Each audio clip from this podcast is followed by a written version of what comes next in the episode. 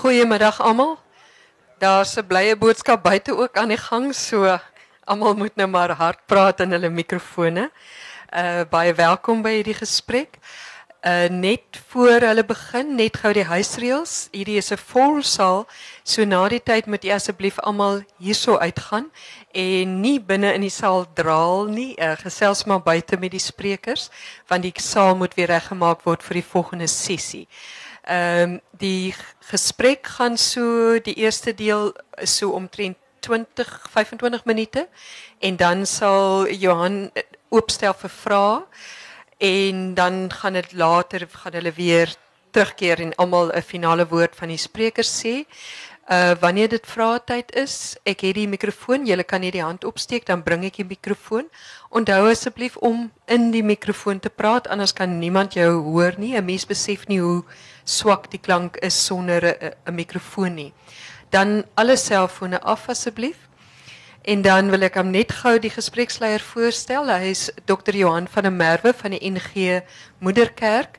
Dit is nou al die derde jaar dat hulle die gesprekke op die Markplein reeks saam met die Woordfees hier aanbied en hy sal dan verder die sprekers voorstel. Baie dankie. Baie dankie uh, Suzette en uh, vriende. Ja, dit is 'n wonderlike voorreg vir ons as uh, moedergemeente om uh, in hierdie vennootskap in die Woordfees te wees.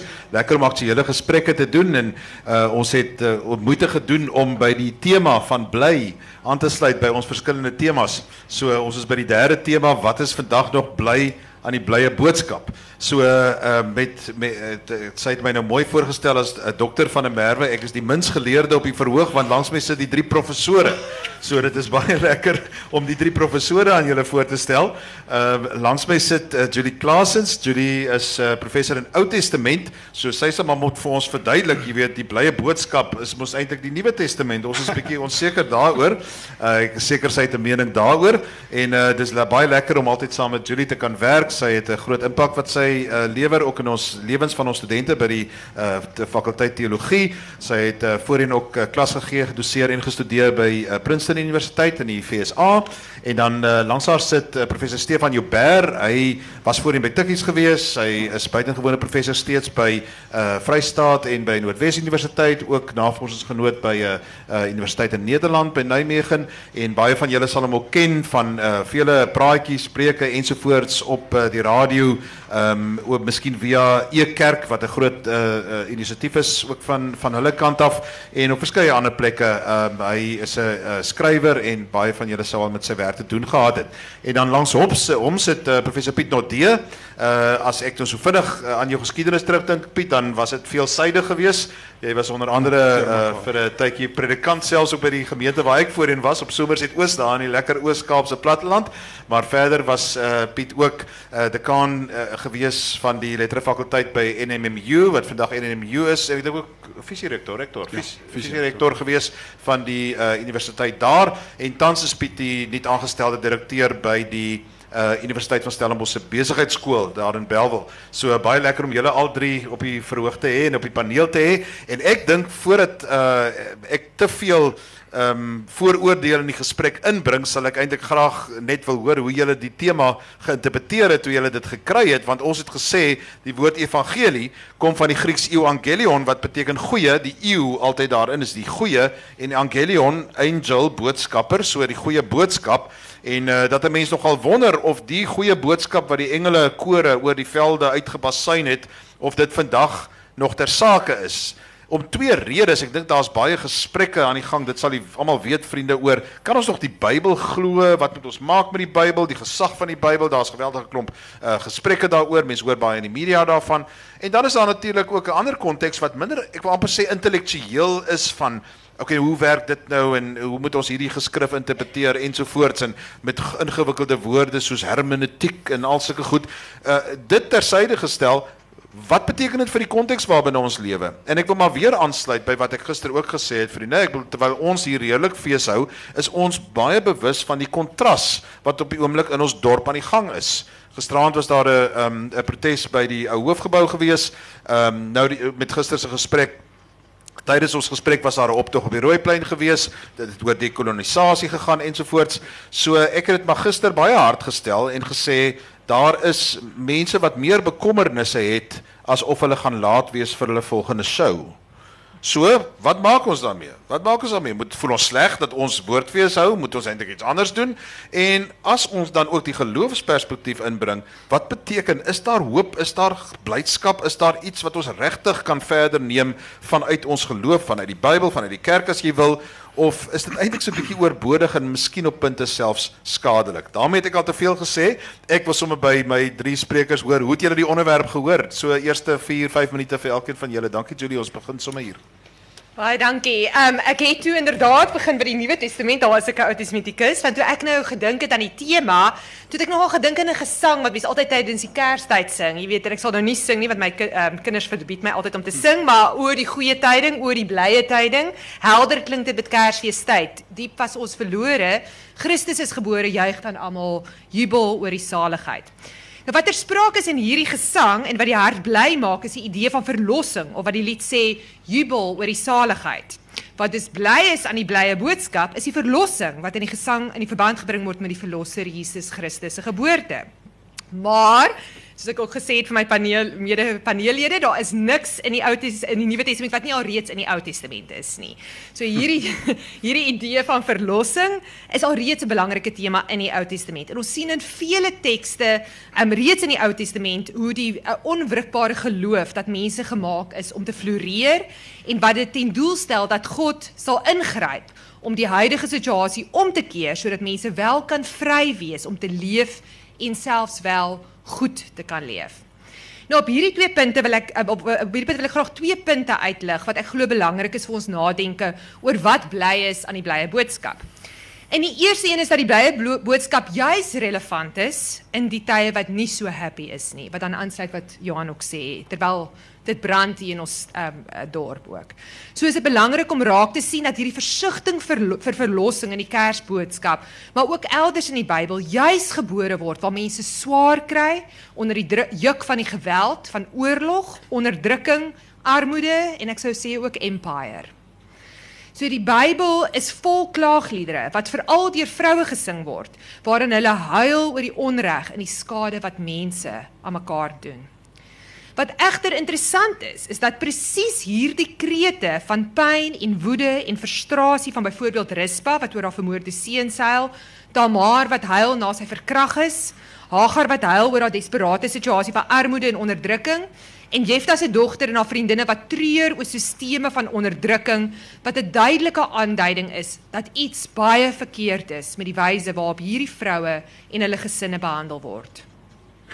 Hierdie klaagliedere word dan ook gerig aan 'n God wat red. Gelowiges deur die eeue heen beroep hulle self op God en smeek God om in te gryp in hierdie stikkende wêreld te kom heel maak. So aan die een kant beteken dit om op God te wag en te jubel in God se verlossing nog voor dit gebeur, maar aan die ander kant beteken dit ook om saam te werk en iets van hierdie verlossing reeds in die hier en nou te vergestaal. So wat my verder ook baie bly maak oor hierdie evangelie, is dat mense dit mense help om anders te dink oor verlossing. Dit is nie die tipe verlossing wat te maak het met the pie in the sky when you die nie. Verlossing is 'n teenswoordige realiteit. Een skrywer skryf mooi oor verlossing in die alledaagse klein gebeurlikhede wat mense in die hier en nou 'n verskil maak in mense se lewens. Sy uh, sy praat byvoorbeeld van gedeelde brood, wonde wat verbind word, gebare van teerheid en omgee, die bystaan by 'n kind wat gebore word, 'n goeie oes wat voedselsekuriteit vir ons almal beteken. Al hierdie is simbole van dit wat lewe gee en kan opgehou word as 'n teken van verlossing wat nie net met Kerstyd ons bly maak nie, maar elke dag. Daar is egter 'n tweede aspek van die blye tyding wat my nie bly maak nie en wat volgens my nie in die evangelie moet bly nie. En dit is die hele aspek van voorspoedsteologie wat oorgewaai het van die FSA en verskeie verskillende kerke verskillende goed genoem word. The health and wealth evangelie, the name it and claim it teologie Die boodskap is duidelik. God wil hê dat jy 'n fantastiese lewe het wat impliseer baie geld, goeie gesondheid, voorspoed en alles wat jy doen. Ons godsdiens is vir wenners. Um groot dele van die Ou Testament in Deuteronomium, die profete en die wysheidsliteratuur sê presies dit. Maar volgens my is hierdie 'n gevaarlike manifestasie van geloof vir die volgende redes. In die eerste plek, dis 'n uiters selfgesentreerde vorm van godsdiens. Dit bly gefokus te wees op my geluk, my geld, myne, myne, myne. Hierdie tweede tipe teologie is uh, verder is hierdie tipe teologie myle verwyder van een van die sentrale aspekte van die Christelike boodskap, naamlik Jesus se boodskap: Neem jou kruis op en volg my. En derdens in hierdie voorspoedsteologie is daar nie plek vir enigiets of enigiemand wat afwyk van ide hierdie ideaal nie. Daar is dus nie ruimte vir siekte of gestremdheid wat tog 'n onontkenbare deel van ons um werklikheid is nie. So in teenstelling hiermee en in aansluiting by wat ek um, in die begin gesê het, dink ek dat die goeie nuus van die evangelie as volg gedefinieer kan word. Dit is 'n blye boodskap wat sê dat dit juis daar is waar mense stikkend, moeg, oorlaai, teen die grond verdruk is, dat God se beloftes van redding die duidelikste weerklink.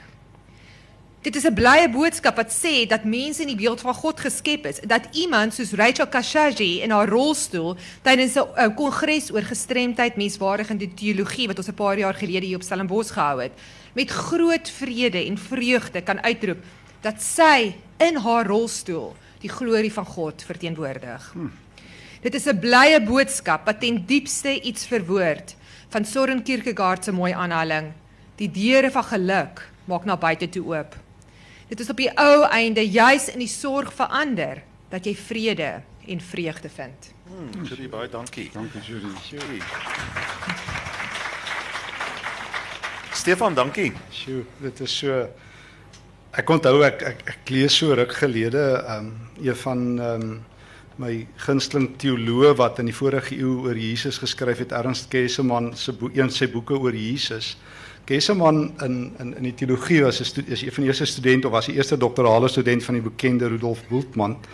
En Kesselman skryf in hierdie boek oor Jesus iets wat my toe ek dit lees my wegblaas. Ek het nie gedink 'n Duitse teoloog kan so Christelik wees nie.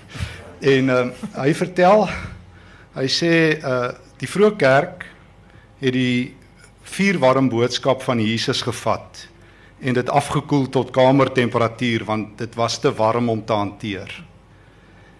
En ek het agtergekom die evangelie, die goeie nuus is uh is is 'n evangelie wat brand. Dit is my altyd interessant dat uh ons uh, of baie keer in ons dag mense die Bybel probeer verdedig en die Bybel probeer red asof ons um, die polisie is wat die Bybel moet beskerm. God dra sy eie woord.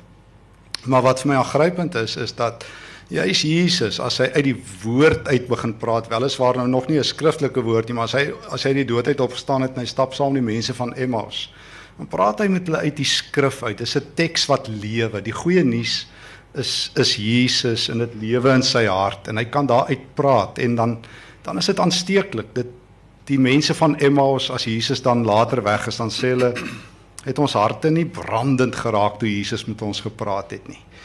Uh, en ek dink dis wat goeie nuus is. Dit gryp my in die hart dat Evangelion die goeie nuus dat Markus sy evangelie so genoem het. Nou Markus is deur Paulus gementor waarskynlik.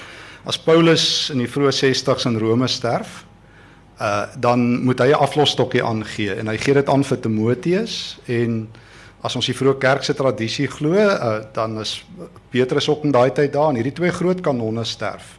En die twee ouetjies wat oorbly om die kerk as te ware vorentoe te vat is Timoteus en Markus. En Paulus het die term evangelion gebruik, uh, goeie nuus, meer as 60 keer.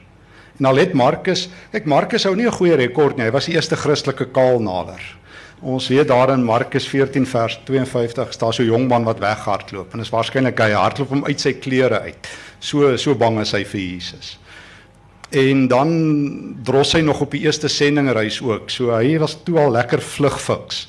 Hy los vir Paulus daar in Handelinge 13 uh, vers 13 vir hom en Barnabas. Hy krimp die Christendom met 'n derde, dan bly daar net Paulus en Barnabas oor daar in Turkye. En dan is hy ook die ou wat amper die kerk die eerste keer skeur. Uh want as Paulus die tweede sendingreis vir Markus sal saamvat dan weier uh, of althans Barnabas dan weier Paulus. Maar later versoen Paulus met hom en hierdie ouetjie is deur Paulus gementor. Hy het gehoor as Paulus oor Jesus praat, oor die kruis, die dood en die opstanding. Dan gebruik Paulus altyd die woord evangelion, goeie nuus. Dit was amper so en wat sê breaking news, nuusflits. Hier as jy die Jesus storie in een sin wil saamvat, is dit goeie nuus. Dis lewensveranderende nuus. En toe Markus nou by Paulus as te ware die aflosstokkie vat, toe dink hy hy gaan 'n storie vertel. Hy gaan nie rondreis in die grootste prediker van alle tye word nie. Hy gaan 'n boek skryf. 'n Genre wat daar in 'n sekere sin nog nie was nie. Ja, ons het amper sulke soort tekste. Maar soos wat Paulus die eerste groot beweging met briewe begin het, begin Markus 'n genre, goeie nuus. En hy begin ook sê evangelie soos mense hom nou hoe het 'n dominee nou eendag gesê as mense hom in die oorspronklike Grieks lees, maar dit is eintlik maar altyd so. Ek bedoel Grieks is oorspronklik. So en toe uh dan begin Markus sy evangelie soos Genesis begin. Hy begin met die woorde die begin. Trouwens hy sit daai Griekse woord heel eerste. So Markus en Johannes en Genesis begin met die woorde in die begin. En en dan sê hy die begin van die goeie nuus. Genesis sê in die begin het God geskep, Johannes sê in die begin was die woord. En hier kom Markus en hy sê die begin van die evangelion van Jesus Christus, die seun van God.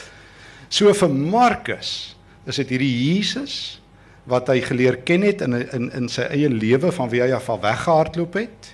En Jesus het hom gesê jy's nou lank genoeg vlug fiks gewees, nou kan jy 'n storie kom vertel. Dan vertel hy 'n storie van Jesus. En hierdie storie het die groot storie geword. Die goeie nuus wat beliggaam is, wat 'n lyf het, wat 'n naam het, wat 'n adres het, Jesus Christus. So dit is ek dink, die dit is die Dit is die basis storie van die Christene, van ons as Christene wêreldwyd. En dit is wat die Bybel goeie nuus maak. Miskien raak ons net te gewoon daaraan. En miskien is dit die rede hoekom dit nie altyd meer vir ons goeie nuus is nie. Uh, ek het agtergekom die Bybel, ek kan so gewoond raak aan die Bybel, ek kan myself in die slaap bid, maar ek kan myself in die slaap lees ook. So gewoond geraak het ek aan hierdie storie. So het ek hierdie storie mak gemaak. Ek sluit af. Ek dink um, ek het groot geword ons moet altyd die Bybel lees as ons gaan slaap, so dis so half 'n slaapel. Miskien is dit ons redes dat die Bybel is nie meer goeie nuus nie. In 'n sekere sin, ek sê in 'n sekere sin waar eintlik so 'n plakkertjie voor in die Bybel wees. Jy lees 'n jy lees 'n wêreldveranderende boek. Want hierdie boek is God se goeie nuus met al die pyne, met al die vrae, met al die worstelinge wat ek oor die Bybel het, oor gesag en oor wat wat. Is daar 'n een goeie lyn van Jesus. Hierdie Jesus, die seun van God. Hmm. Dankie. Ek uh uh wat ek nie net gesê het nie is omdat ons die bedrukte koerant nie onderkry nie. Jy skryf 'n rubriek in die beeld, goeie nuus. Is dit dis weekliks, nê? Nee? Ja, so elke dag, ja. O, elke dag, elke ja. dag. Okay, nou goed. So elke dag uh sukkel dit maar om goeie nuus te kry. Ehm um, wel As mens so na die meeste Christene luister, ty Christene het lyk my nogal 'n deeg gemaak van kla, maar daar is goeie nuus, ja. En ek dink uh, een van die goed wat ek by jou hoor is nadat die kerk die die evangelie afgekoel het, kan ons hom maar so 'n bietjie mikrogolf. Ons kan hom uh hy hy's dit werd. Piet, dankie. Ja, ek het toe ek die epos nou sien oor die tema het ek uh ehm um, besef die hoed wat ek nou dra seker in die gesprek is die een van 'n sistematiese teoloog. So ek wou nou aanhaal uit die belydenisskrifte en uit die kerkvaders uit. Maar ek het maar besluit om net twee punte te maak. Ek kon nie by die derde een uitkom nie, maar tyd ons bietjie man. Ehm um, die eerste is Johan dat dis baie min mense wat daai vraag vra. Jy het 'n modernisme en 'n verligting nodig om by jou die bewussyn te kweek dat die Bybel is 'n teks wat ek vra oor moet vra oor wie's die bron, hoe's die bronne bymekaar gesit in sy finale vorm, wie was die redaktor, wat was die oorspronklike konteks, wat beteken die woord in sy oorspronklike as jy nou weer so kan terugkeer. As ons kyk na die Christendom in Suid-Afrika, uh is die Christendom hoofsaaklik is 'n swart kerk met 'n paar wittetjies en miskien twee of drie ander wat die modernisme bewussyn het. So Ek moes myself eers relativeer en sê Piet, waarmee jy jou besig hou is interessant vir jou miskien, but it doesn't really cut all the way. En ek dink ons moet eers daar kom. Ek sou sê hoe waar ek dit geleer het. Ek het hier my doktorsgraad gedoen. Na my eerste plek wat ek gewerk het was om 'n navorsingsprojek te doen oor die ZCC kerk van Biskop Leganja in die Noord-Transvaal of die uh, noordelike provinsie. En ek het vir 2 jaar gaan sit in 'n plaaslike gemeente met die naam Itsani. Nou vir my om lank te sit en nog stil te bly is verskriklik. Ek is 'n wit mens wat geleer het om te praat. Stil gesit en gekyk En Stefan, jy sê dit geniet. Ek het om myself gekyk na 'n totale gemeenskap van gelowiges waarvan nie een kan lees nie behalwe een kind wat in Toy onthou toevallig in standaard 6 in die skool was. Daai gemeente het nie 'n geordende leraar nie, hy het nie 'n skriba nie, hy het nie 'n kerk gebou nie. Ek dink hulle het probeer om 'n belydenisrol op te stel maar dit het misluk. Maar was 'n lewende gemeenskap. Waarom? Omdat hulle die Bybel deur verhale leer ken het. Dit soos die eerste Christene weer mondeling aan mekaar oorvertel het en die predikers werk uit hulle geheue uit. Vir hulle is die Bybel die woord van God, that's the issue. So ek dink ons is bietjie vasgevang in 'n klein wêreld Nou dink ons die Bybel is op die spel en my kollega het nou net gesê ons moenie God se woord polies nie. Elke woord wat van my uitgaan sal nie leeg terugkeer nie. Dit het nie te maak met of jy baie geleer het of min geleer. So dis die eerste reaksie wat my opgekom het. Wie vra daai vraag? So 'n klein groepie vir die res is die Bybel oukei. Okay. Die tweede ding wat ek onmiddellik aan gedink het is ek werk deesdae sterker uit die aard van my werk in die omgewing van sake wêreld. En ek wil vanmiddag vir julle sê ek het nog nooit so lief geraak vir die blyheid van die evangelie wat kom uit die woordjie wat ook al oorgebruik is naamlik genade nie. Ek het die week performance appraisals gehad met ek dink 24 mense. Ek is poot uit soos ek hier sit. Dan moet jy sê wat jy verlede jaar beloof het. Dan moet jy op kolomme waarin jy sê wat was jou uitkomste? Dan moet jy jouself evalueer uit 5 uit waar jy kom en dan sê ek ek, ek stem saam met jou en dan werk ons die gemiddel uit. Daar's nie plek vir genade nie want as jy nie perform nie, draai jy nie buite die bottom line nie en kan ek jou nie langer in diens neem nie. Inteendeel as jy 3 jaar na mekaar onder 3 kry het ons 'n reëling, ons beëindig jou diens of ons maak intervensies en probeer jou help om reg te kom. Die evangelie werk nie so nie. Die evangelie sê Ek hier werkers een begin 9 uur werk, die ander een begin 3 uur werk en die ander een val in so kwart voor 5. As hulle daglone is, betaal ek 5 uur vir al drie dieselfde bedrag. En hoe meer ek besef dat mens kan natuurlik nie die logika van die evangelie, ek is nou nie so dom nie, direk oordra op die op die logika van sê die vrye mark nie. Maak die evangelie my bly omdat hy vir my sê Piet, by God hoef jy nie te perform nie. Hy het jou in elk geval liefgehad voor jy hom geken het en voor jy hom liefgehad het, het hy jou eerste lief gehad en ehm um, dis so heerlik om om dan te perform omdat jy weet jy hoef nie. Want jy's klaar aanvaar as 'n persoon. En vir my sal die evangelie bly en nuus bly. Uh, Spesifiek omdat dit ehm uh, die boodskap van genade bring. En miskien net 'n laaste voetnoot by my tweede puntjie. Ek is ehm uh, verstom dat die blydskap van die evangelie na my oordeel sterker deesdae al hoe meer gedra word buite die strukture waaraan ons gewoond was. Die kerk bly ongelooflik belangrik. Ehm um, dit was God se wil van die begin af. Judy eers die Am Jahwe, die volksgemeenskap, die volk van God, die Nuwe Testament, die nuwe een. Maar kollegas en vriende, ek sien blydskap in die evangelie ver buite die grense van die kerk en dit word ook gedra op maniere wat ek mee groot geword het wat nie meer so goed werk nie. Miskien moet ons daaroor op 'n later stadium praat. Nou hier sit iemand langs my wat dit al lankal begin besef het met e-kerk en ander maniere van doen. Maar vir my is die evangelie een van blydskap want ek leef uit genade. Baie dankie uh vir al drie van julle se eerste insette. Ek 'n uh, vinnige vraag vra. Julle kan solank begin 'n aanduiding gee vir die mikrofoon wat rondsweef. Ehm uh, ek wil graag aansluit net by die ding oor hoe vertaal ons dit wat ons glo na 'n wêreld wat dit nie noodwendig op daardie basis glo nie. Met ander woorde, hoe bemeester ons die soort tweetaligheid wat ons moet hê? Want Piet, ek kan nou net dink dat jy tog nou nie in 'n in 'n in 'n vergadering met met sakemense, jy weet, nou net gaan sit. Julle is baie eenvoudig, jy weet. Ja Johannes 10 vers 10 sê vir ons dit, jy weet, en gaan ja, doen nou ja. net dit nie of wat ook al nie. Wat is wat is die wat maak ons met hierdie taal wat ons so met mekaar praat? Jy weet ja. wat vir baie mense daar buite baie vreemde taal is. Hoe, hoe vertaal ons die die blyheid van die evangelie na 'n wêreld waar dit nie normerend is nie of waar ons nou sou moet sê ja, ek sou ook kon sê hoe wat maak ons met ons Christelike oortuigings in 'n konstitusionele demokrasie? Ons kan nie net sê moenie daai wet aanvaar nie want die Bybel sê dit nie. Wat maak ons? Wil jy ek Ja, van daai kant af en dan net vinnig terugwerk. Wel, ek dis dis 'n verskriklike ou vraag natuurlik. Ons wat nou in daai groot woord wat jy net gesê die hermeneutiek bitter dik boeke gelees het al. Uh, of nogal van die Duitsers ook. Uh, ek het nou 'n artikel afgesluit om te sê mense kan nie dink dit was my laaste sin. Nou min mense sal dit lees, moenie worry daaroor. Dis 'n paar oudjies wat dit goed lees. Ehm um, mense sou nie dink dat die lees van Duitse boeke so gevaarlik kan wees nie omdat dit juis die boodskap van die evangelie dra. Goed, jy vra my vraag. Ek gaan hom net eers teoreties antwoord en dan kom mens miskien maar invul waar jy wil. Jy kan nooit die evangelie direk oorvertaal soos in one-on-one -on -one, van konteks A sê maar kerk evangelie godsdiens na konteks B sê biomediese wetenskap uh natuurwetenskap uh evolusie gesprekke of dan in my geval die wêreld van vrye ondernemerskap nie. Wat jy wel kan doen is as jy die essensie van die evangelie verstaan, moet jy tweedens die taal van die tweede wêreld net so goed leer bemeester. En wat jy dan doen, jy kry 'n uitwisseling waar jy die hart van die evangelie kan oorvertaal, maar wat dan praat in die paradigma en in die woordeskat van hierdie ene. Kom ek gee jou 'n simpel voorbeeld ons nie dink is net teorie nie. Vanoggend 7 uur het ons 'n ontbyt met 'n baie baie suksesvolle sakeman. Ek dink hy sal omgee om te sê nie.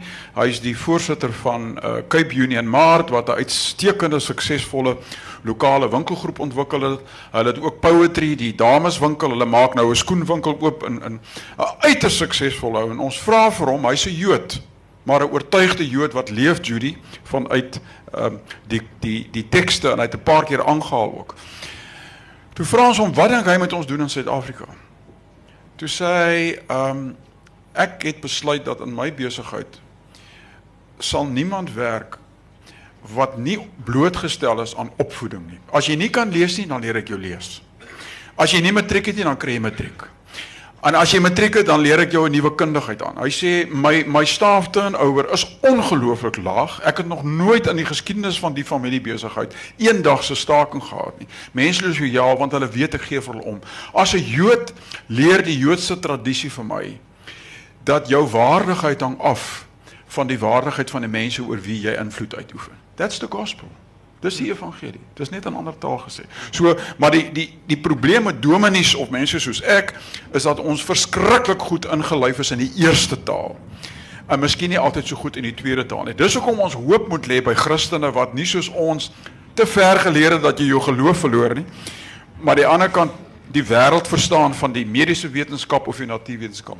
Ek het 'n ongelooflike geloof in die krag van die Heilige Gees wat deur wat ons altyd sê gewone gelowiges werk en hulle doen daai vertaalwerk elke dag. Ek en jy hoef nie daaroor te worry nie. Uh baie dankie. Ek uh, my rol is om baie moedswillig te wees. So ek is jammer Stefan, maar ek as jy nou dink hier aan hierdie hermeneutiese vraag, met ander woorde, hoe sit ons hierdie eerste taal oor na die tweede taal toe? Ek wil graag die onderwerp uh van uh, uh selfde geslag verbintenisse soos wat die uh NG Kerk nou in groot in groot moeilikheid is en nie weet het hy nou 'n besluit geneem of nie 'n besluit geneem nie en daai soort van goeders. Ek wil net vra, dit was net 'n tipiese voorbeeld. Dit is nie die onderwerp van ons gesprek nie. Ek gaan ook nie toelaat dat ons heeltyd daaroor praat nie, maar net 'n tipiese voorbeeld van waar daar sekere taal in die Bybel is en so aan en dan is daar 'n konteks in vandag en daar's mediese wetenskappe en die een sê sis en daai een sê so en die een sê gene en daai een sê gebore en nie gebore nie en al die soort van goeders en skielik moet ons die twee goed as gelowiges hmm. bymekaar uitbring.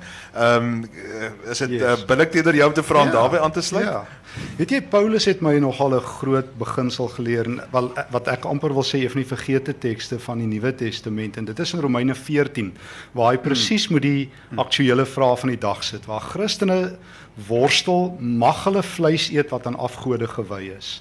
Ehm um, mag hulle moet hulle heilige dae hou ensovoorts ensovoorts. En dit is vrae hmm. wat identiteitsmerkers was in die wêreld van daai dag. En dan kom Paulus met 'n klomp fenominale dinge. Hy sal byvoorbeeld 'n ding sê soos in Romeine 14 vers 17, die evangelie. Hy sê gaan oor ehm um, blydskap in die Here, oor geregtigheid, uh, vryspraak, die kaiosunai en en en en oor vrede. Shalom. Hy sê en hierdie is die pilare waarop die kerk staan. Mm. En by die res, hy sê vir ouens, moet jy eintlik in jou hart besluit en jy moet mense by jou hou. Mm. So ek wonder baie keer of ons nie van die evangelie te veel van 'n wapen gemaak het nie. Ek het agtergekom en ek was self ook skuldig. Ek onthou as 'n jong ouetjie, het was ek nogal 'n kamikaze fighter vir die Here. Ek het gedink daar kan nie 'n geveg verbygaan nie of ek moet nou vir die Here opstaan. En toe het ek later agtergekom maar nêrens wil die Here eintlik ek moet vir hom opstaan nie. Hy wil hê ek moet goed doen in sy naam. Want uh, mense gaan my onthou as ek goed doen in sy naam of die Here gaan verheerlik word. En daardeur sê ek nie mense moet nie opstaan nie, maar ek moet opstaan vir wat die essensie is. Mm. En vir die res moet ons Christene bymekaar hou sover ons kan. Mm. En ek wil ook nie laat die media dan die gevegte wen nie. so Christene is geroep sê nou maar in soos in selfde geslagverhoudinge. Uh, Paulus het tog pertinent gesê dat in Christus is daar nie meer man of vrou, slaaf of vry, Jood of Griek nie. Dis nie primêre identiteitsmerkers meer nie. So ek kan nie sê ek's in die eerste plek 'n Christen vrou nie, ek's in die eerste plek 'n Christen. Ekskuus Piet, ek moes nou die dag ergens by 'n plek praat, toe sê jy hy's 'n Christen sakeman. Toe sê ek, nou waar in die Bybel lees jy dat jy moet jy eers 'n miljoen rand hê, dan sê jy 'n Christen sakeman of geld Christus se voorwaardes vir jou of jy 1 sent het of jy 'n biljoen rand het so of jy 'n man is of 'n vrou, 'n slaaf of 'n vry. Paulus sê dit is die merkers van Christianity. So ek sou wou sê, miskien sal dit ons as Christene help om die primêre lyn wat die Bybel loop van liefde, van van omgee en en om mekaar se hande vas te hou daar waar ons verskil. Ons mag verskil, ons moet verskil. Ons moet nie net maak asof dit nie so is nie. Ons kan nie maar net sê ek wil ook nie by 'n punt kom waar ek sê hierdie tekste is nou dood van ouderdom en ons kan nou 'n postmortem op daai tekste doen En ekskuus, so nou en dan dink ek party van ons teoloë is nogal baie goed om postmortems dan sê ons vir hierdie teks is nou dood. Hy het nou niks te sê nie want die ouens het nou nie geweet nie en so aan. Ek dink ons moet sê die norme van God is liefde en hoe gaan ons mekaar vashou op daai plekke waar ons verskil?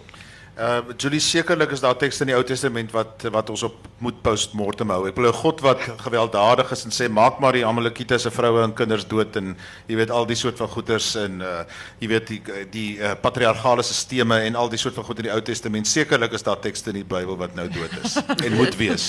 Ja, en dit is in my ons klas is dit die tipe goeters wat ons vir studente ook help leer om ehm um, weet krities verantwoordelik ook hierdie tekste te lees. Um, ja, um, en ek dink en ek dink wat ons baie oor praat in die, in die klasse veral nou net terug na ons konteks waar ons nou sien want ek dink ons letterlik eh, die, wat ons sien in die konteks dis chaos vir 'n klomp mense. Mense voel hulle geordende wêreldjies is besig om in weet alles wat hulle gedink het hulle weet is besig in is 'n um, en dat dat hulle dan gryp na sekerhede. En ek dink dan is mense in die gevaarsone waar jy ook van hierdie gevaarlike tekste wat soort van hierdie ehm um, braaktekste wat in die Bybel sê, "O oh, Here, sal U tog asseblief die um, Babiloniërs wat ons vernietig het, sal jy tog die babas van hulle koppe van uh, van die, die koppe van die babas van die Babiloniërs stikkend slaan teen die um, in die uh, die stene." Jy weet soort van jy roep uit, jy wens dat jou vyande um, dat God sal ingryp en hulle tot 'n brutale um, um, einde bring, is ontsettend gevaarlik. Dis baie menslik om kwaad te wees as mense seer gekry het of te nagekom voel of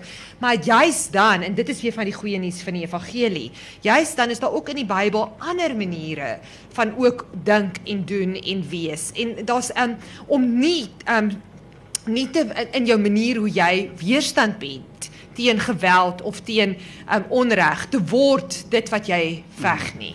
So van so ek dink dit is vir my die die groot ding wat Piet ook in die begin gesê het. Ek hou baie daarvan die ding van ons die boodskap van genade wat mm. ons is. Genade vry uit vrye guns alleen. Dis genade, is genade, alles is genade. Maar hoe ons kan leef, hoe ons so genadeloos kan leef teenoor die mense om ons. Ek verstaan nie dit nie. So as jy regtig daai gift van grace in jou lewe kan ervaar en eien, hoekom kan jy so hard wees op ander? Ek bedoel dit is Dis eintlik ook natuurlik want in die Nuwe Testament het ons die gelykenis van die ou wat ja. kom van die koning wat hom sy skuld afskryf. 'n Miljoen rand as ek ja. reg. Dan kom hy buitekant 'n skuld om 10 rand en dan ja. sê hy nou gaan ek jou in die tronk sit. Dis absoluut belaglik. Is ek reg? Ja. Dis dieselfde. So daai tendens dat jy wil wraak neem in jou eie naam en in jou mag is maar diep in die menslike siege ingeboor. Ja. Baie dankie. Vriende, kom uh, laat ons hoor enige opmerkings. Daar's die mikrofoon. Geen uh, lig net jou hand en dan sal die mikrofoon daar na jou kant toe kom en enige opmerkings, enige vrae, hou dit net kort asseblief. Johan, baie dankie. My naam is Niels, kom van Sobersit Wesaf. Uh net 'n refleksie of 'n vraag dan oor die postmortem van sekere tekste wat ons moet maak. En ek dink as ons vandag hier saam sit en ons in vrede en geluk en ons sit hier dan kan ons seker sekere tekste op 'n sekere bril lees. Maar as ek daar op die rooi plein staan en ek is uit die gemeenskap waar ek kom, kom ek voel ek onderdruk en ek voel maar ek moet veg dan dink ek kan ons daai tekste nie so weg ver weg bære nie. Geld dit dan ook hoe moet ons nou vanuit ons konstek moet ons ook nie ook perspektief vir die, in die evangelie as jy van die evangelie praat ook vir daardie mense het wat eintlik daai tekste anders wil implementeer. So belangrik dat ons tekste saam ook sal lees. Ek gaan 'n paar uh, opmerkings vat en 'n paar vrae en uh, hulle kan maar aantekeninge maak. Nog uh, gee maar net 'n aanduiding. Dankie. Uh, my naam is Hannes. Ek wil graag uh ek het bietjie laat nou op die gesprek ingekom, so verskoon as ek herhaal. Vir my is die Bybel nie God se woord nie, maar mense se woorde oor God, hoe hulle God op 'n spesifieke stadium en situasie beleef het in hulle lewens. En natuurlik is van dit nou neergeskryf en sou baie mense sê dis God se woord. Dit die een kant uh die die subjektiewe aard van die van die skrif van dit mense se belewennisse van God dan nou.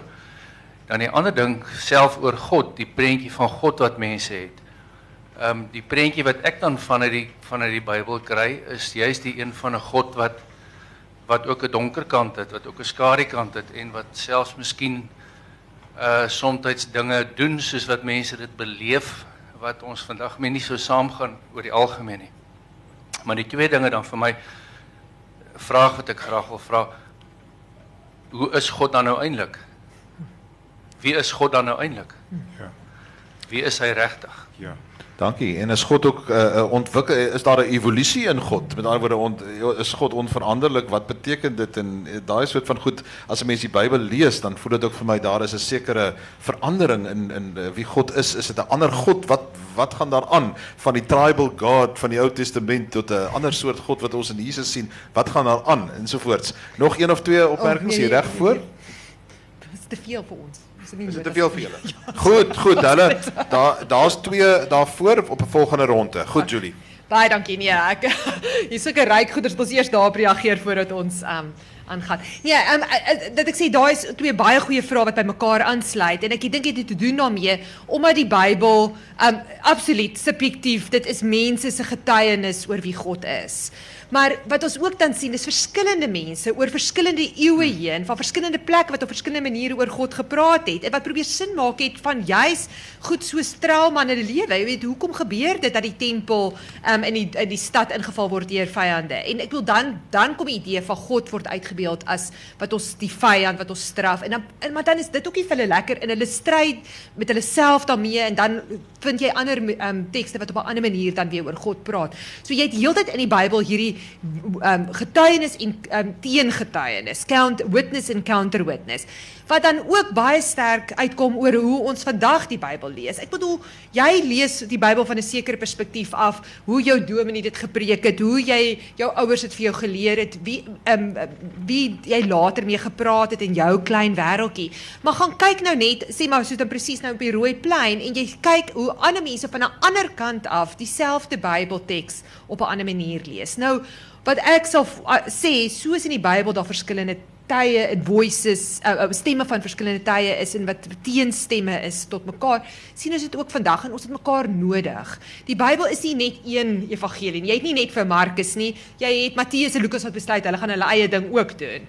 En dan Johannes wat way out is en nog weer sy ding doen. So jy jy een is nie genoeg nie. So ons het mekaar nodig om ook iets van God raak te sien.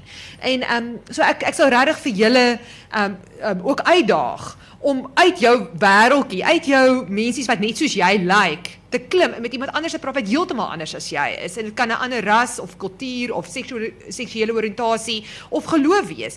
En ek bedoel, ek dink dit is as jy regtig ontmoet as equals en mekaar probeer luister en mekaar se hart probeer verstaan en jy gaan iets van mekaar leer, maar jy gaan ook iets van God op 'n ander manier leer. Dankie. Enige van julle wat ook wil reageer? Ek as ek Piet as ek mag ehm um, ja, ek sal ook wou sê ehm um, ek het en, en, en, en dit is maar waar ek is. Ek is maar ek is ek het 'n reformatoriese chassis. So dis my onderstel. En ek wil nog altyd sê die Bybel kom ook na my toe as God se woord. Ek het ek ek kan die Bybel so komplekseer en ek kan dit so relativeer dat ek later aan uh en ek sê ook altyd vir ouens, ek kan regtig vir ouens wys, ek kan op elke teks in die Bybel 10 opinies hê, want ek dit is so. En ons kan ad, ad infinitum dit die probleem komplekseer. Maar ek wil ook graag 'n tweede naïwiteit hê. Is mense ook as ek ook eers deur die rivier van kompleksiteit geswem het. Ehm um, en dan dan dink ek is dalk eers iets van hierdie God wat na my toe kom, wat my ontmoet en wat wat eers in hierdie boek op 'n gesaghemmende manier gesels en die vroeë kerk was nie heeltemal so aan die slaap soos ons dink dat hulle het geweet daar's ander boeke ook en daai boeke het nie die kanon gehaal omdat dit maar net 'n wispelturige hmm. sprong in die donker was en of soos wat die conspiracy theory sê om wat Konstantin 'n paar triks getrek het en magsdinge nie. Die ouens het van vroeg af geweet en al kom Discovery en National Geographic en sê vir ons die Judas Evangelie daai wat so ontdek is. Die vroeë kerk het geweet van daai boeke. Hulle was nie so hulle was nie so aan die slaap nie. En daar was redes en maniere hoekom hierdie boeke ja. op daai manier gehanteer is. En op 'n sekere manier het hierdie boeke die toets van die tyd deurstaan. Hierdie versameling boeke op 'n manier het God hom gebind aan iets. God is meer. Ek wil altyd sê hy is baie meer as sy boek, maar hy's nie anderster nie. En as ek ek wil maar as as as jy vra so 'n great vraag, wie is God? Dan kan ek maar die drie woorde, miskien in Grieks twee, uh sê God is liefde. Dis hoe hy homself die beste. Dis sy shorthand version van homself. Hmm. God is liefde. Ja, ek wil daarmee net sê die Christelike geloof is 'n boekgeloof. En dit beteken ons het 'n boek waarvan ons deur die eeue, in baie eeue gesê het Hierdie versameling, al verskil ons 'n bietjie oor die presiese grense van daai versameling, die kern is daar, het hierdie eeue 'n klassieke statement geword wat nou meer is as net die subjektiewe vertellinge soos die vraagsteller tereg opmerk. Inderdaad is dit subjektiewe vertellinge van wie God is. Maar as jy al daai subjektiewe vertellinge bymekaar sit, daai klein stroompies, dan sê ons dit vorm kanon. Dis nie kanon wat jou skiet nie, dis kanon beteken die meetsnoer.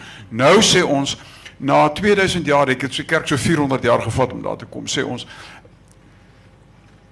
dit is hoe God is nou verbind ek my ervaring vandag as ek swaar kry en ek wonder waar ek in Stellenbosch 'n huis moet koop omdat al die goudtengers die pryse opjaag dink ek die seun van die mens eh, die jakkals het gate Eh, die seun van die mense het hy slaap onder die brug.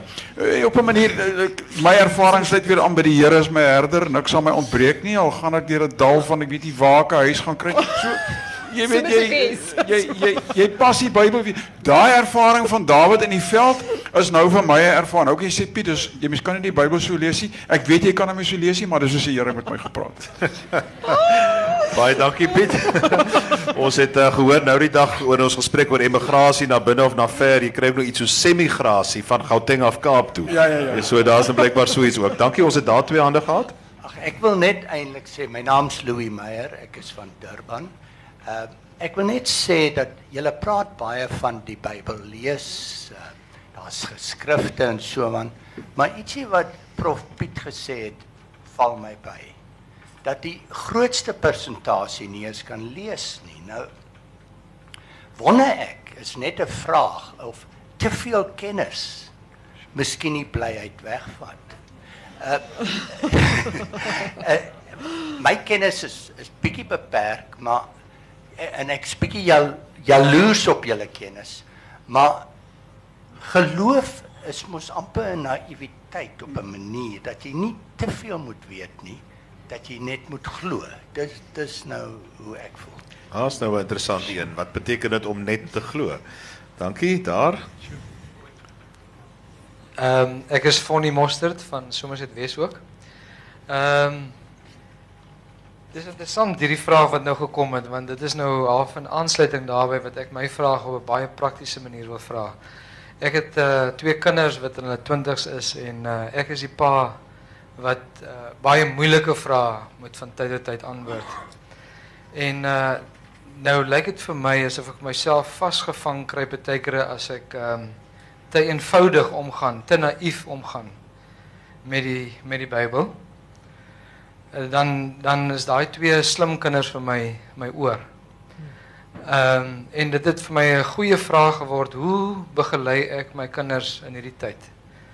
Ehm um, want want wat vir my die krisis is as pa is dat ek ehm um, as ek te relatief is, te vaag is, te onseker is, dan uh, is dit asof ek my kinders los in niemandsland. Uh as ek te fundamentalisties is, te eenvoudig omgaan met die met die Bybel en ehm um, en met geloof dan los hulle uh, ook nêrens want dit maak net eenvoudig nie sin vir hulle as 'n mens so omgaan met die Bybel nie. So ek is so bly ons het hierdie kennis hier by ons dat ons dan kan hoor wat hulle van ons sê baie. Dit lyk my dit gaan oor daai uh ek ek meen dit is Luther wat gesê het dat die Bybel is vlak genoeg vir kindertjies om in te speel, maar diep genoeg vir uh intellektuele om in te verdrink. En uh ek dink dit is wat ek so 'n bietjie hier hoor, waar kry ons daardie balans? En as 'n mens sê jy moet net glo soos 'n kind, uh wel ek sê altyd graag ek glo soos 'n kind. Daarom vra ek altyd hoekom? Hoekom? Uh ek dink dit is op 'n manier dalk ook deel van kind wees is nie net om te sê ek af, uh, neem alles vir soetkoek nie, maar ek vra ook vra en ek is ook ondersoekend ensovoorts. Daar's 'n tradisie in die kerk van Anselmus, Fides Quaerens Intellectum, ek glo maar om te verstaan. So uh, in elk geval, maar ek is net die gespreksleier, jammer. Ehm um, hoe reageer julle op hierdie balans wat ons soek tussen te diep en te vlak, tussen fundamentalisties en te liberaal? Ja, ek wonder uh as mens dink aan die Ou Testament self, wonder ek of een van die dit was ek 'n diepsinnige vraag, um, of een van die roetes nie is die Deuteronomium 6 roete wat ek so leer by die Jode tot vandag toe. Hoe kry Jode dit reg om so sterk identiteit te hou? Want hulle ek glo hulle praat met hulle kinders. Uh ek onthou 'n Joodse vriend van my, hulle hulle kinders sit by hulle besigheids doen, 'n besigheid doen. Die kinders sit by as hulle oor die Bybel praat en by daai gesprekke sê die pa as te ware Gee jou beste shot vir God. Vra jou mees kritiese vraag. God kan dit vat. En daar leer kinders om saam met hulle ouers te dink, te vra, te pyns. Ek het amper in 'n tradisie groot geword waar dit 'n sonde is om iets te vra of of om te twyfel of om seer te kry. Ek onthou as die dominee gekom huisbesoek doen het, het ek vir my ma gesê ek wil hom 'n paar vrae vra. Sy sê my kind, jy bly stil. Dan sit ek soos 'n muis met pantoffels in die hoek. Dan weet ek ons het nog 'n jaar seisoenkaartjies vir die kerk. Want my want my vraag was of ons want ek wou vir die dominee regtig vra vra presies ook waarmee ek geworstel het. Waar is God as dit as as ons bloei? Waar is God as ensovoorts ensovoorts. Ek onthou ook een keer 'n droogte veroorsaak in die Wes-Transvaal. Ek bly in die Oos-Rand en toe reën dit nie en toe sê die dominee dis ons wat gesondig het en toe weet ek ek het die droogte veroorsaak. En ek wou geweet het hoekom. Want hy het Joel toegepas en sê daai springkant plaag dis ons, maar ek het nie verstaan nie en ek dink hy het ook nie verstaan nie. Maar maar ek het gedink as ons om 'n tafel kan sit en ons kan praat en my ouers kon gesprek fasiliteer.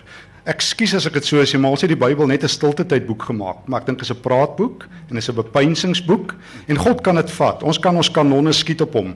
Hy het al erger vrae oorleef as wat Stefan vir hom gevra het en hy gaan nog erger vrae oorleef. Nee, um, ek dink dit is twee fantastiese vrae. Ehm um, ek ehm um, ek het nog altyd gevind ook deur ook lees. Ek bedoel daai vrae ja. vra, maar ook mense wat al gedink het oor dieselfde um uh, vra en weet en hoe ek daardeur verryk word of dieper dink of nuwe goed um, raak sien ook in die teks of in oor ons geloof. Maar um een voorbeeld wat ek net wil gebruik wat 'n groot um invloed op myself gehad het is toe ek 'n studentie was. Um um in my ja, uh bedoel ons by um studentekerk het ons uh sulke gespreksgeleenthede midweek gespreksgeleenthede gehad wat ons al in hierdie moeilike temas um, aangebied het en mense gekry het om te kom praat en baie groot um, uh, hoeveelheid mense getrek het ook uit die gemeenskap. En ek onthou een jaar het ons um, my professor Ferdinand Duistok gekry wat oor Genesis gepraat het en evolusie en toe saam met um, Yuri van die Heffer um, wat 'n um, professor is ook in um, wat wat uh, evolusie ook die um, um, doseer.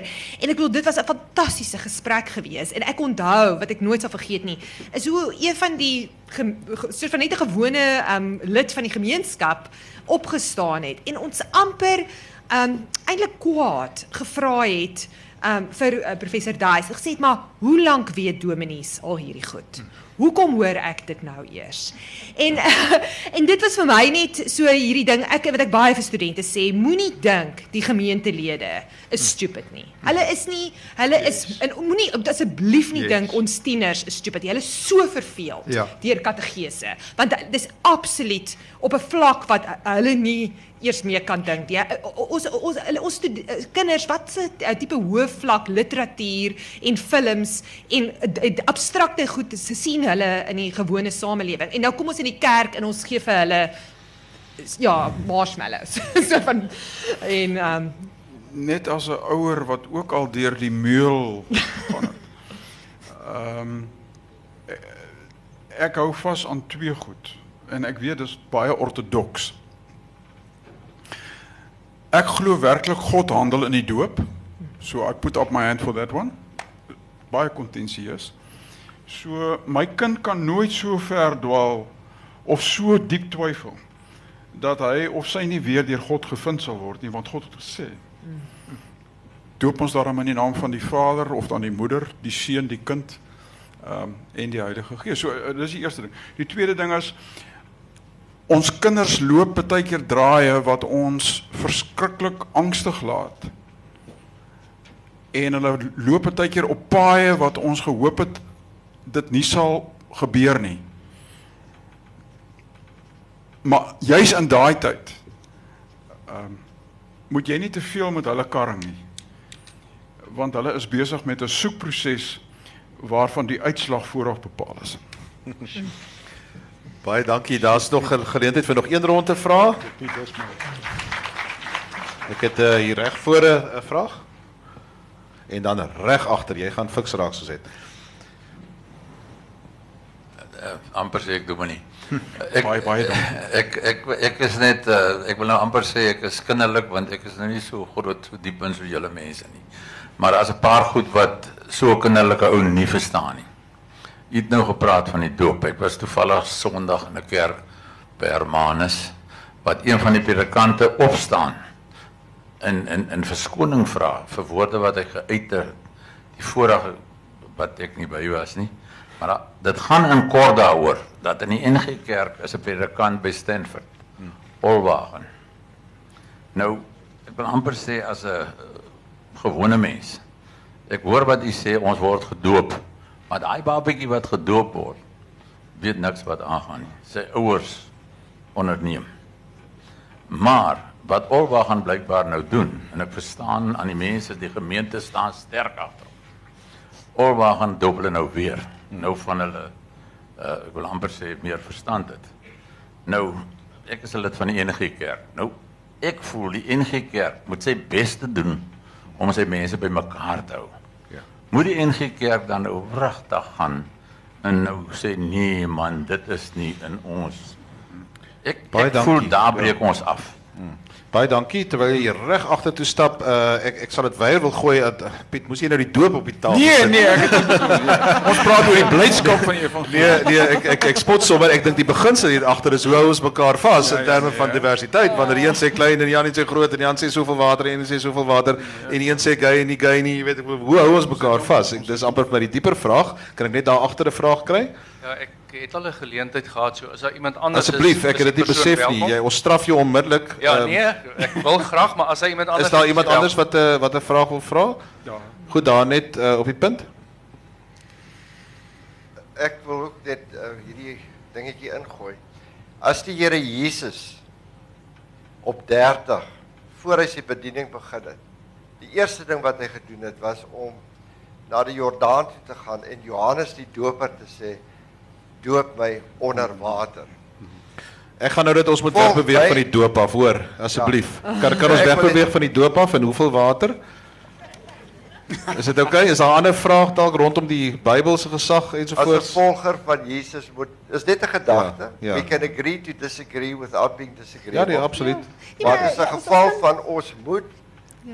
sê dit gaan oor Jesus en ons kan praat oor teologie en doktrines. Dit gaan het ek 'n verhouding het julle verhouding met Jesus is Ja. ons wedergebore. Dankie. Goed, daar lê daar lê 'n lekker vraag. Uh, of 'n opmerking vir my as die dieper kant ook hieraan. Hoe het ons 'n verhouding met Jesus?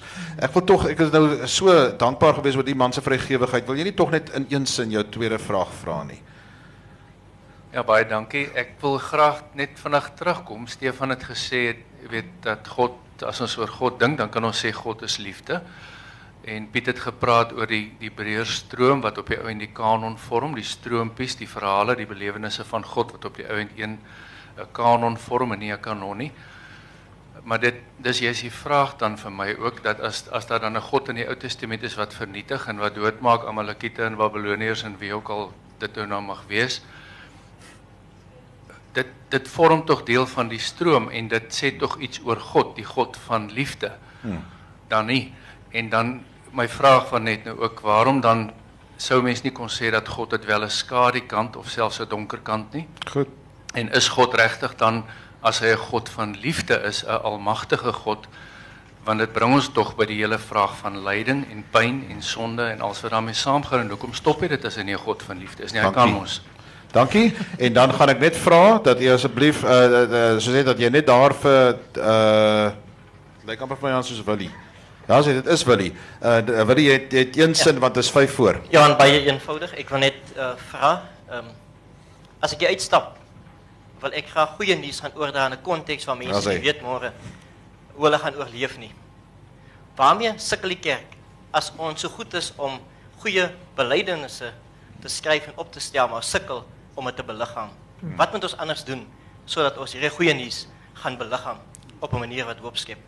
Willie uitstekende vraag. Baie dankie. So die laaste 5 minute boot aan julle. Uh en asseblief dit is dit is ook julle slotwoorde. So Julie, ja, jou Ja. Ehm ek ek wil tog maar, wat ek bedoel, ek tog die doop is 'n ding en ek bedoel ek is in die Ou Testament so heel ander. Vir my vir my is dalk maar net ehm um, maar net my eie persoonlike waar ek is. Ek is gereformeerd, ek is uh, klein gedoop. Ek glo in die klein doop uh, omdat vir die rede, die een rede hoekom ek dink dit is so belangrik is daai babatjie. Toe ek vir Susan gedoop het, um, um, ek het gepreek en Robert my man het haar gedoop. Daai oomblik wat daai water op haar kop is. Sy het nie geweet wat aangaan nie, maar dit is presies wat Piet gesê het. Dit is dit dit gaan nie oor haar nie. Dit gaan oor God. Dit gaan oor God wat sê ek het jou voordat jy kon kies of vra, het ek jou skuld gedra. Ek bedoel dit dit dit is dit is die absolute vorm van genade. Want jy hoef niks te doen. En miskien dit is die goeie nuus van die evangelie. Jy wat hier sit vandag hoef niks gedoen doen om gered te word nie. God kom na jou toe. Dis 'n gift. En dan hoe beliggaam ons die good news of the gospel? Jy het hierdie gift ontvang, gaan wees dit verander. Stefan. Ek het uh, ek ek en Piet het gou gevra, Piet sal oor die skadukant want dis 'n belangrike ding, ons los dit vir die dogmatikus, maar ehm uh, ek nou net so 'n vraag vra as ek uitstap hierso. Ek is nie goed met rekenaarspeletjies nie. Ek is nie motories baie vaardig nie. En my kinders het vir my een rekenaarspeletjie gegee en hulle het vir my hulle het vir my kulkodes gegee, cheat codes. So ek kan hom wen as ek die kulkodes intik. En en ek dink toe want die vraag is hoe gaan ek uit? Toe dink ek maar Jesus het vir my 'n kulkode gegee. Hy het vir my hy het vir my 'n oop boek eksamen gegee en hy sê vir my wat is die laaste vraag wat hy my gaan vra?